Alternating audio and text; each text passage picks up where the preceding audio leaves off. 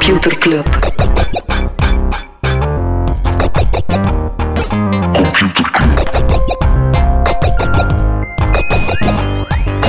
Computer Club. Hey Smolly, Hey Freddy, welkom, welkom terug. welkom. Welkom bij Computer Club, een wekelijkse podcast over technologie. Iedere week selecteren zowel Freddy als ik een eh, interessant artikel dat we zijn tegengekomen en hebben een feitje klaarstaan.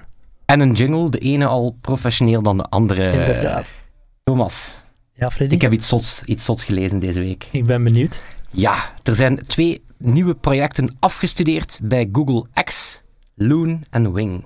Oké, wat moet ik me daarbij voorstellen? Wel, Google X, of ook wel X, kort, ik weet niet of je die kent. Nee. Dat is eigenlijk de, dat is het bedrijf binnen de Alphabetgroep, het Mhm. moederbedrijf van Google. En die zijn eigenlijk fulltime bezig met wat zij moonshots noemen. Dat zijn eh, volledig, volledig radicaal nieuwe oplossingen voor problemen die echt wel far, far out zijn. Dus die krijgen dan eigenlijk de ruimte om daar volledig, volledig eh, zotte oplossingen te bedenken. En dan is wel de bedoeling, eens dat die oplossingen ja, zich bewezen hebben of, of toch de juiste kant uitgaan, dan studeren die letterlijk af en dan worden dat eigenlijk volledige bedrijven. Een soort pretpark binnen de Google-groep dan. Ja, dus ze krijgen eigenlijk een soort, ja, ze krijgen een gigantische werkruimte en, en, en echt wel de tijd om te gaan zoeken. De enige voorwaarde is, het moet echt wel gaan over volledig nieuwe technologie. Hmm. Dus bijvoorbeeld de projecten die nu, ehm, ja, die nu afgestudeerd zijn bijvoorbeeld. eh Loon, het eerste, eh, kort voor balloon, zijn eigenlijk luchtballonnen. En die brengen internet en telefonie naar afgelegen gebieden. Heb je daar ook nog over gehoord inderdaad? Ja. Dat project gaat al een tijdje mee, hè? Ja, voilà, zijn inderdaad al, ik denk dat ze een, een, een zevental jaar geleden gestart zijn. Eh, waarom? Een gsm-mast is best duur, heeft eigenlijk een beperkt bereik. Dus daarmee eh, bot je sowieso op limieten op afgelegen gebieden. En die luchtballonnen kunnen eigenlijk, als zijn veel goedkoper, kunnen meer dekking halen en zijn ook perfect om in rampgebieden en zo in te zetten. Bijvoorbeeld in Puerto Rico of in Peru, recente natuurrampen, hebben ze daar eigenlijk hun testen gedaan en eh, bleek heel goed te zijn. Eh, Wing, het andere project dat eh, van de schoolbanken gerold is, dat is dan delivery via drones. Dus die gaan dan e-commerce delivery doen. ja. Amazon en zo zitten ook een beetje Voilà, daarop voilà. Hoe En heeft Google daarbij te winnen dat die zo'n... wat eigenlijk het, coole van, van, van, van X is dat ze eigenlijk, het is eigenlijk bijna een soort Google-fabriek. Het is Mm. eigenlijk kijken van, kunnen we de nieuwe Google gaan creëren? Kunnen we in industrieën of sectoren waar we totaal nog niet actief zijn, kunnen we daar eigenlijk ook, nog voordat die markt überhaupt bestaat, eh, zorgen dat we daar alweer ja, de marktleider worden. Dus het is eigenlijk Google die een, ja, zichzelf constant probeert Ja, opnieuw maar uit te vinden. niet, krijg je dan niet het risico dat ze op een bepaald moment gewoon te veel willen doen en, en niet meer kunnen concentreren op hun core business? Of- Ja, het, maar het, het knappe is dat het per definitie gaat om dingen, of per definitie dat het vaak gaat om dingen waar ze net niet mee bezig zijn. Dus het komt eigenlijk, eh, dus eigenlijk alles wat te veel in de core business zit, dat ga je nooit onder X vinden. Ja. Dus de voorwaarden voor X zijn, het moet een gigantisch probleem oplossen. Het staat letterlijk, het moet een huge problem zijn.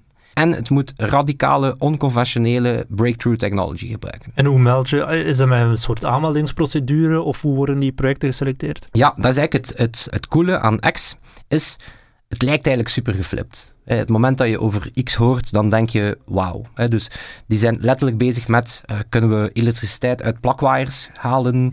Kunnen we het magnetisch veld rond de Noordpool aftappen om daar elektriciteit uit te Mhm. halen? Kunnen we een drijvende haven, een wereldhaven creëren die, die gewoon op de zee drijft? Dus het lijkt compleet van de pot gerukt. Ehm, hun baas heet Astro Teller. Dat is ook al, dat is een naam uit een comicboek. Ja, inderdaad. Dat is Meteen bijna voor mij zo'n Marvel-figuur of zo. Voilà, dat is eigenlijk de, de professor Gobbelijn van, van Silicon Valley. Die man rijdt ook rond op rolschaatsen. Ook knap. Ze hebben daar een, een, een werkatelier, de Mhm. grootte van ongeveer een tiental voetbalvelden. Ja, dus het, is, het, het lijkt, het punt dat ik wil maken, het lijkt als de ultieme speeltuin. Ja, Charlie in een chocoladefabriek, maar dan met technologie. Voilà, voilà. Maar wat er eigenlijk zo knap aan is, eh, of wat toch ook in het artikel stond, is ze pakken het immens serieus aan. Dus het lijkt alsof dat iedereen daar gewoon een soort blanco check krijgt Mhm. om Te jarenlang te spelen en te experimenteren. Maar wat is eigenlijk de eerste stap? De eerste stap is dat je dat idee moet gaan pitchen. En dan, dat is bijna een soort ja, thesisverdediging. Iedereen in die ruimte zit daar eigenlijk om je idee kapot te maken. Mm. Dus iedereen in die ruimte zit daar om te challengen van, is het feasible? Dus dat zijn dan de criteria van, is het, eh, is het haalbaar? En bijvoorbeeld een, een project dat ze gedaan hebben was elektriciteit uit lawines gaan halen. Ze hebben blijkbaar een soort ding met elektriciteit. Het is, eh, zal zeker niet verbazen, gegeven de voetafdruk van een bedrijf als Google. elektriciteit uit lawines. Mhm. Nu, strikt gezien kan dat, maar ze, ze merkten meteen van kijk, als we dat gaan uitrollen, dat gaat nooit, we gaan dat nooit, eh, nooit schaalbaar kunnen doen. En dan het andere is, ehm, lost het een echt probleem op? Een van de projecten die daar ooit gepitcht is, I kid you not, is de Invisibility Cloak. Zalen. Harry ja, Potter Potter achterna. Ja, ja, Ah, absoluut. voilà. dus, dus, dus eigenlijk gewoon een, een jas waarmee dat je onzichtbaar wordt. Die zou bestaan, dus die zou technisch haalbaar zijn, maar daarvan hebben ze gezegd, nee, dit lost eigenlijk geen probleem op. Mhm. Integendeel, het zou waarschijnlijk voor criminelen enzovoort net des te makkelijker worden en eigenlijk meer problemen gaan creëren. Dus eigenlijk is die pitch daarop gericht van, eh, kunnen we dat idee eigenlijk kapot gaan maken? En de tweede stap, dat is dan eigenlijk opnieuw, hè, dan, dan starten er een aantal wetenschappers en, en, en, en, en techneuten enzovoort. Maar dan, en dat zou je ook niet aan denken, eigenlijk is er dan een team die gaat nadenken over een hele reeks zeer saaie, saaie onderwerpen. Eh, bijvoorbeeld het Loon-project, het ballonnenproject Mhm. is er een team die gaat kijken van oké, wat is het juridisch kader om Ballon in de lucht te steken. ballon Ja. in de lucht te steken en wat als we in een vreemd luchtruim terechtkomen enzovoort. Of moeten we dan gaan samenwerken met de telecomproviders? Zijn we dan concurrenten van de telenetproviders? Dus je moet eigenlijk over heel veel dingen nadenken waar, laten we zeggen, creatieve eh, mensen Ja. niet mee willen bezig zijn. Of het En Wing-project steekt dan bijvoorbeeld. geld in dat project? Of waar is de hulp? Waar komt de hulp van Google? eh? Google, het, het ding dat ze niet meedelen, of Alphabet, hè, we spreken Mhm. constant over Google, maar strikt gezien eh, heet dat Alphabet. Die melden wel niet hoeveel projecten er zijn of wat de funding daarvan is. En zijn er eerder al afgestudeerd?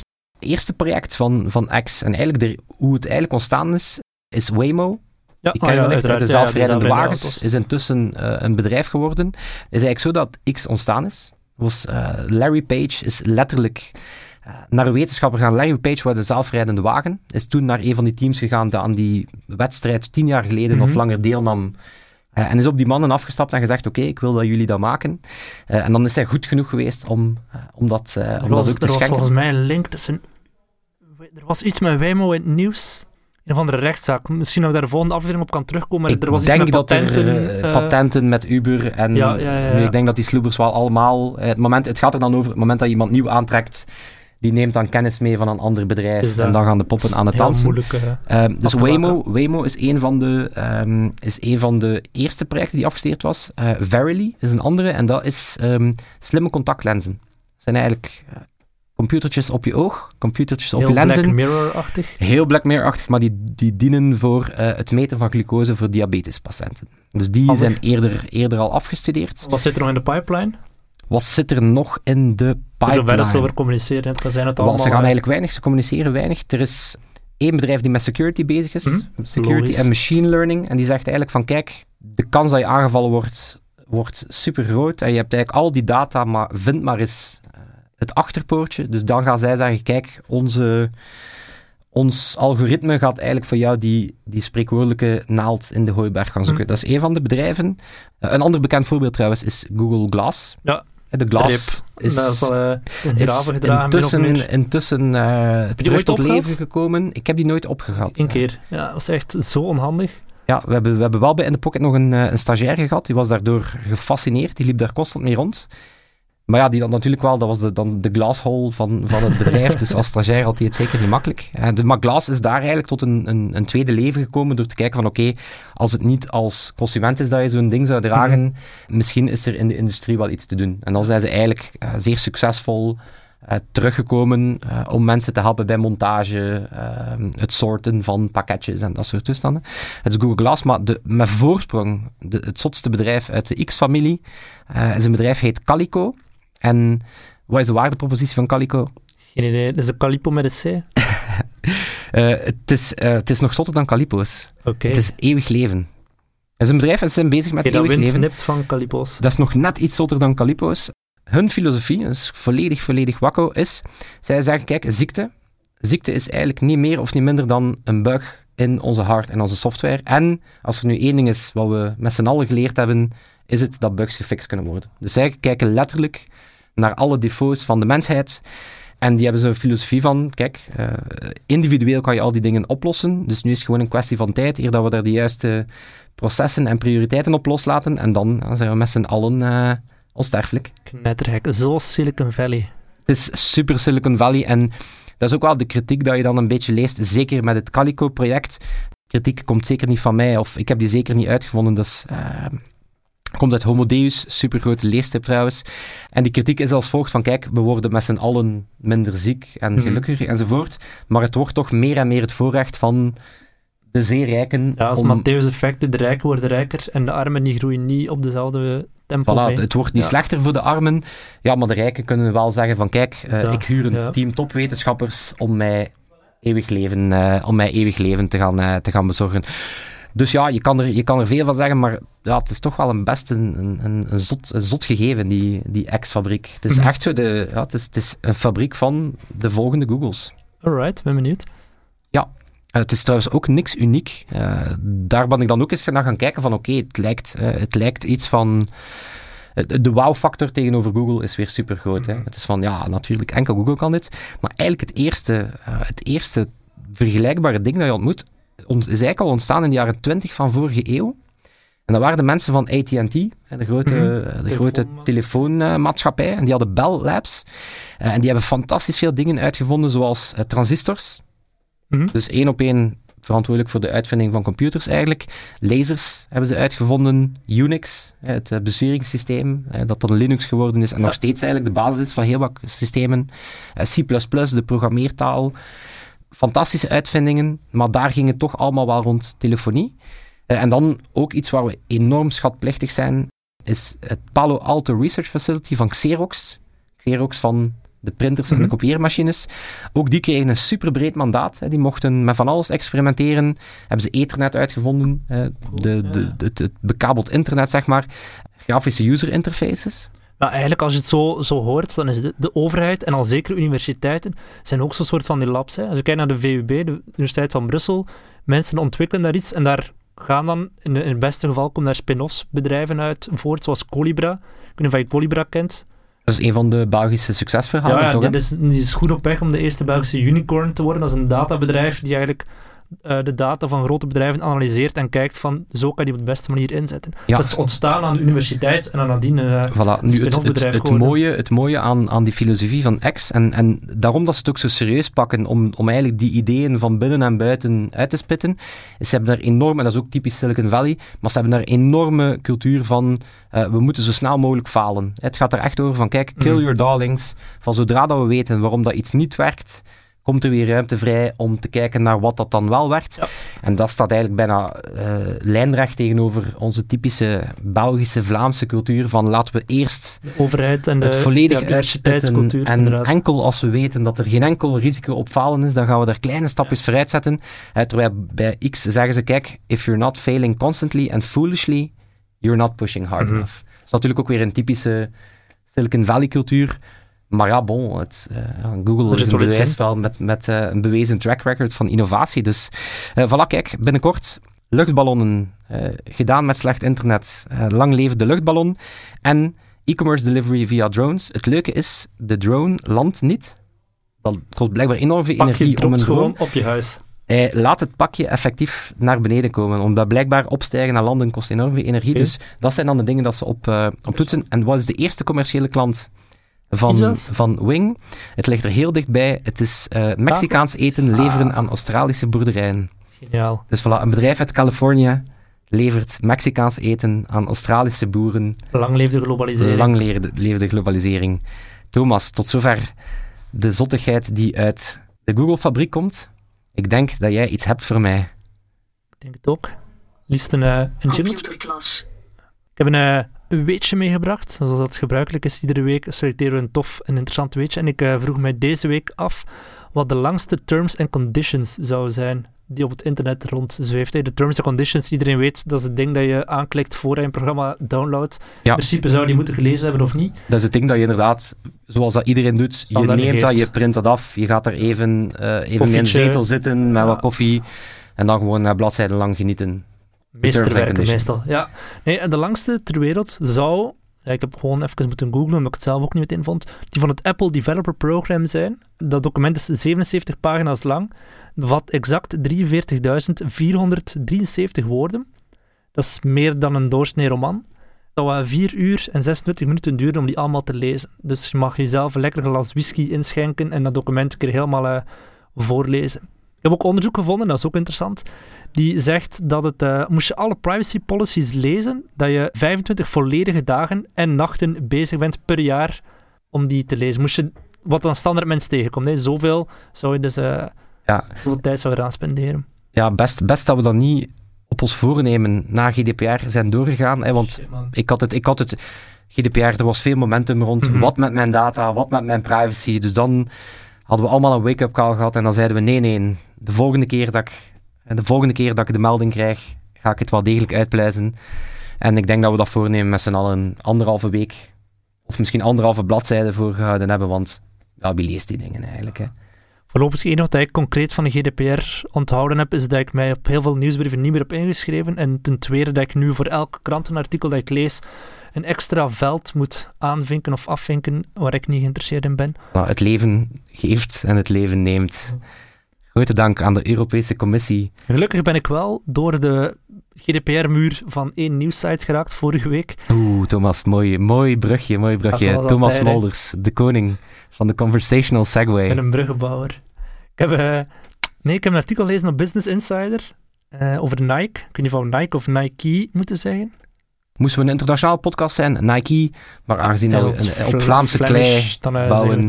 Nike. Nee, Nike, de sportfabrikant, die heeft een nieuwe winkel geopend in Los Angeles. En wat is er zo uniek aan die winkel?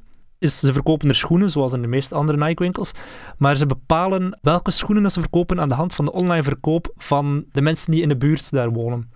Dus ze kijken welke schoenen worden er heel vaak gekocht door de locals. En dan gaan ze van dat type schoen er meerdere in de winkel hebben, in verschillende kleuren en zo, om zo in te kunnen spelen. Eigenlijk de brug maken tussen online en fysieke winkels. Digital heet dat dan met een een of ander trendwatcher woord.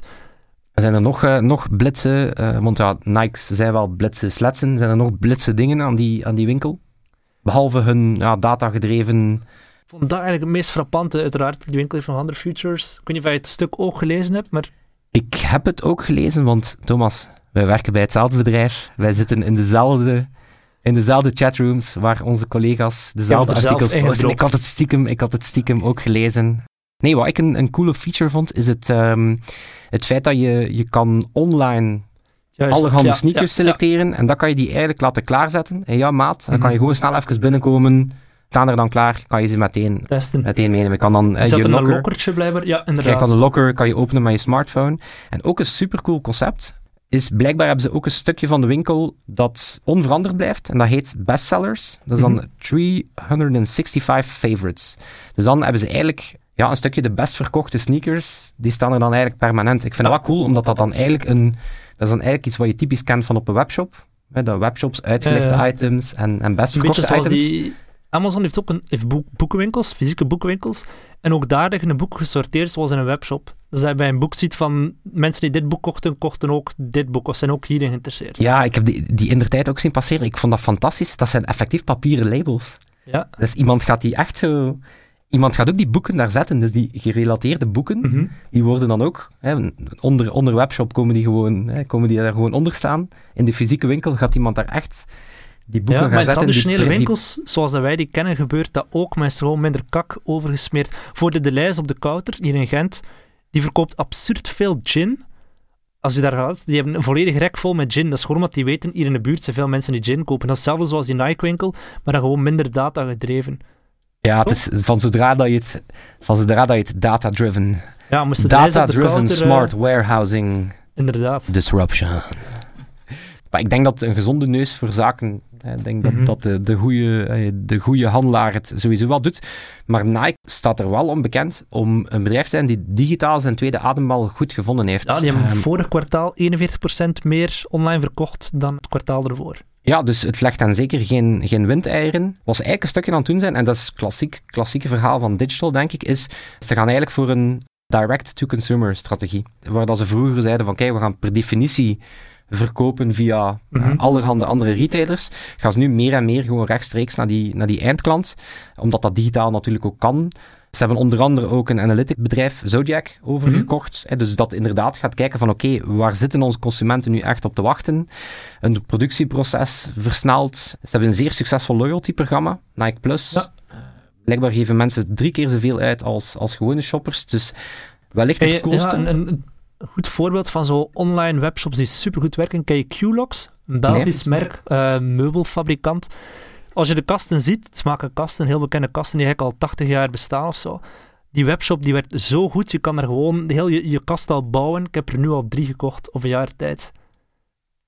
Ben jij kasten verslaafd, Nee, maar als je die, als je die kasten ziet, dan, dan zeg je meteen, ah ja, juist mijn moeder of mijn oma of weet ik veel wie, die heeft er ook zo in staan. Maar die hebben zo'n goede webshop gebouwd met zo'n goede tool waarmee je die kast kan samenstellen van, ah, ik wil een van twee verdiepingen hoog of in die en die, die kleuren. En dan kun je meteen bestellen op de webshop zelf. Ja, wat, wat ik een van de, een van de, de, knappe, de knappe dingen aan, aan het digital, mm dat, is, dat is een woord het principe is goed, maar het woord is, is vreselijk inderdaad. Dank, dank aan, de trend, aan de trendwatcher die het, uh, die het gelanceerd heeft. Maar eigenlijk is dat gezond verstand. En bijvoorbeeld, een heel goed voorbeeld, een bedrijf die het in twee richtingen doet, uh, zal niet verbazen, is bijvoorbeeld Coolblue. Mm is een bedrijf die, enerzijds zijn zij fysieke winkels aan het openen, omdat dat, dat stimuleert vertrouwen. En ze merken dat, dat, dat mensen in de omgeving van een vaste winkel ook online meer kopen, gewoon omdat ze weten van... Kan het gaan testen of kan testen, of terugbrengen enzovoort. Maar anderzijds, wat ik heel knap vind, is hun webshop, die neemt ook gewoon de, het gezond verstand van in de winkel over, zijnde hun filters die passen zich volledig aan afhankelijk van welke categorie dat je in aan het shoppen bent. Mhm. Dus die gaan zeggen van oké, als je laptops aan het vergelijken bent, dan heb je andere criteria nodig dan het moment dat je aan het zoeken bent naar een, nieuw, een nieuwe geluidsinstallatie enzovoort. Dus die filters passen zich compleet aan. Dus elke categorie heeft daar een eigen manager die mm volledig instaat voor hoe vertaalt zich het fysieke advies het best naar de winkel. Dus om maar te zeggen dat ook heel wat dingen uit de fysieke winkelomgeving ja, meer en meer digitaal gaan komen. Uh, en dat staat algemeen, nou, algemeen is een bedrijf die dat heel, die eigenlijk het beste van twee werelden uh, combineert. Een ander bedrijf dat recent in nieuws was met zoiets Fidgetal is Tommy Hilfiger. Ik weet niet of je dat gezien hebt vorige week. Die hebben een nieuwe broek gelanceerd. En daar zit een waterdichte chip, dus je kan hem ook wassen. Die meet hoe vaak en waar dat je je broek draagt. En hoe vaker je hem aan hebt, hoe meer korting dat je krijgt bij je volgende aankoop. Ah, ik dacht ging zeggen, hoe korter je broek. Hoe korter je broek? In welke zin? Oh ja, hoe, meer dat je, hoe meer punten dat je spaart. Ah ja, zo, nee. Dat, uh, ja, dat zijn heel slechte deals zijn eigenlijk. Ook een, ook een cool voorbeeld om dan uh, af te sluiten. De Nike Sneakers app. Dat is ook iets, denk ik, een, een tweetal jaar geleden. Uh, blijkbaar bestaat er een serieuze cultuur van sneakerverzamelaars. Ja, ik zie het op Instagram inderdaad. Op ik draag die meestal gewoon tot ze, tot ze versleten zijn. maar er is een hele cultuur van mhm. dure, exclusieve sneakers. En de Sneakers app is een locatie-gebaseerde app dus enkel als je op bepaalde plekken komt, of als je met je camera een bepaalde affiche of iets speciaals mm opent, dan krijg je toegang tot de meest exclusieve sneakers. Dus ja, er is een volledige cultuur van verstopte sneakers. Eigenlijk is het een beetje Pokémon Go, maar dan voor sneakers. Ja, ja, ja, ze hebben onlangs inderdaad ook in Facebook Messenger, als je een bepaalde rij emojis achter elkaar plaatste, dan unlockte een AR-toepassing. En dan zag je inderdaad een exclusieve sneaker vallen op de plaats waar je stond, zoals in Pokémon Go. En die kon je dan bestellen en binnen het uur waren al die sneakers verkocht. Misschien een supergoed moment. Deze podcast is nog niet gesponsord. Dus we hebben op dit moment geen commerciële boodschappen. We dragen wel graag sneakers. Exclusief, of dat mogen ook gewone mensen sneakers zijn. Crocs, Havaianas. Ja, Thomas draagt super graag Crocs. Dus voilà, dat was het terug voor deze week. Thomas. Ik denk dat we wel nog een teamleader moeten mogen. We, moet, we mogen en we moeten teamleader bedanken. Onze sympathieke vrienden hier eh, bij ons op Doc Noord. Zijn zeer dankbaar dat we hun studio mogen gebruiken met de mythische naam Abbey Road.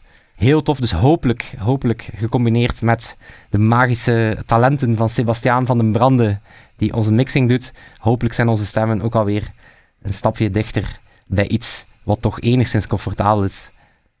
Thomas, merci. Yes. En jullie ook bedankt om te luisteren. En zoals elke week Feedback super geapprecieerd. Liken, sharen. Je weet ons te vinden. Tot volgende keer. Oeh, oeh, ik was het bijna vergeten. Er is iemand die nog iets wil zeggen. Computerclub.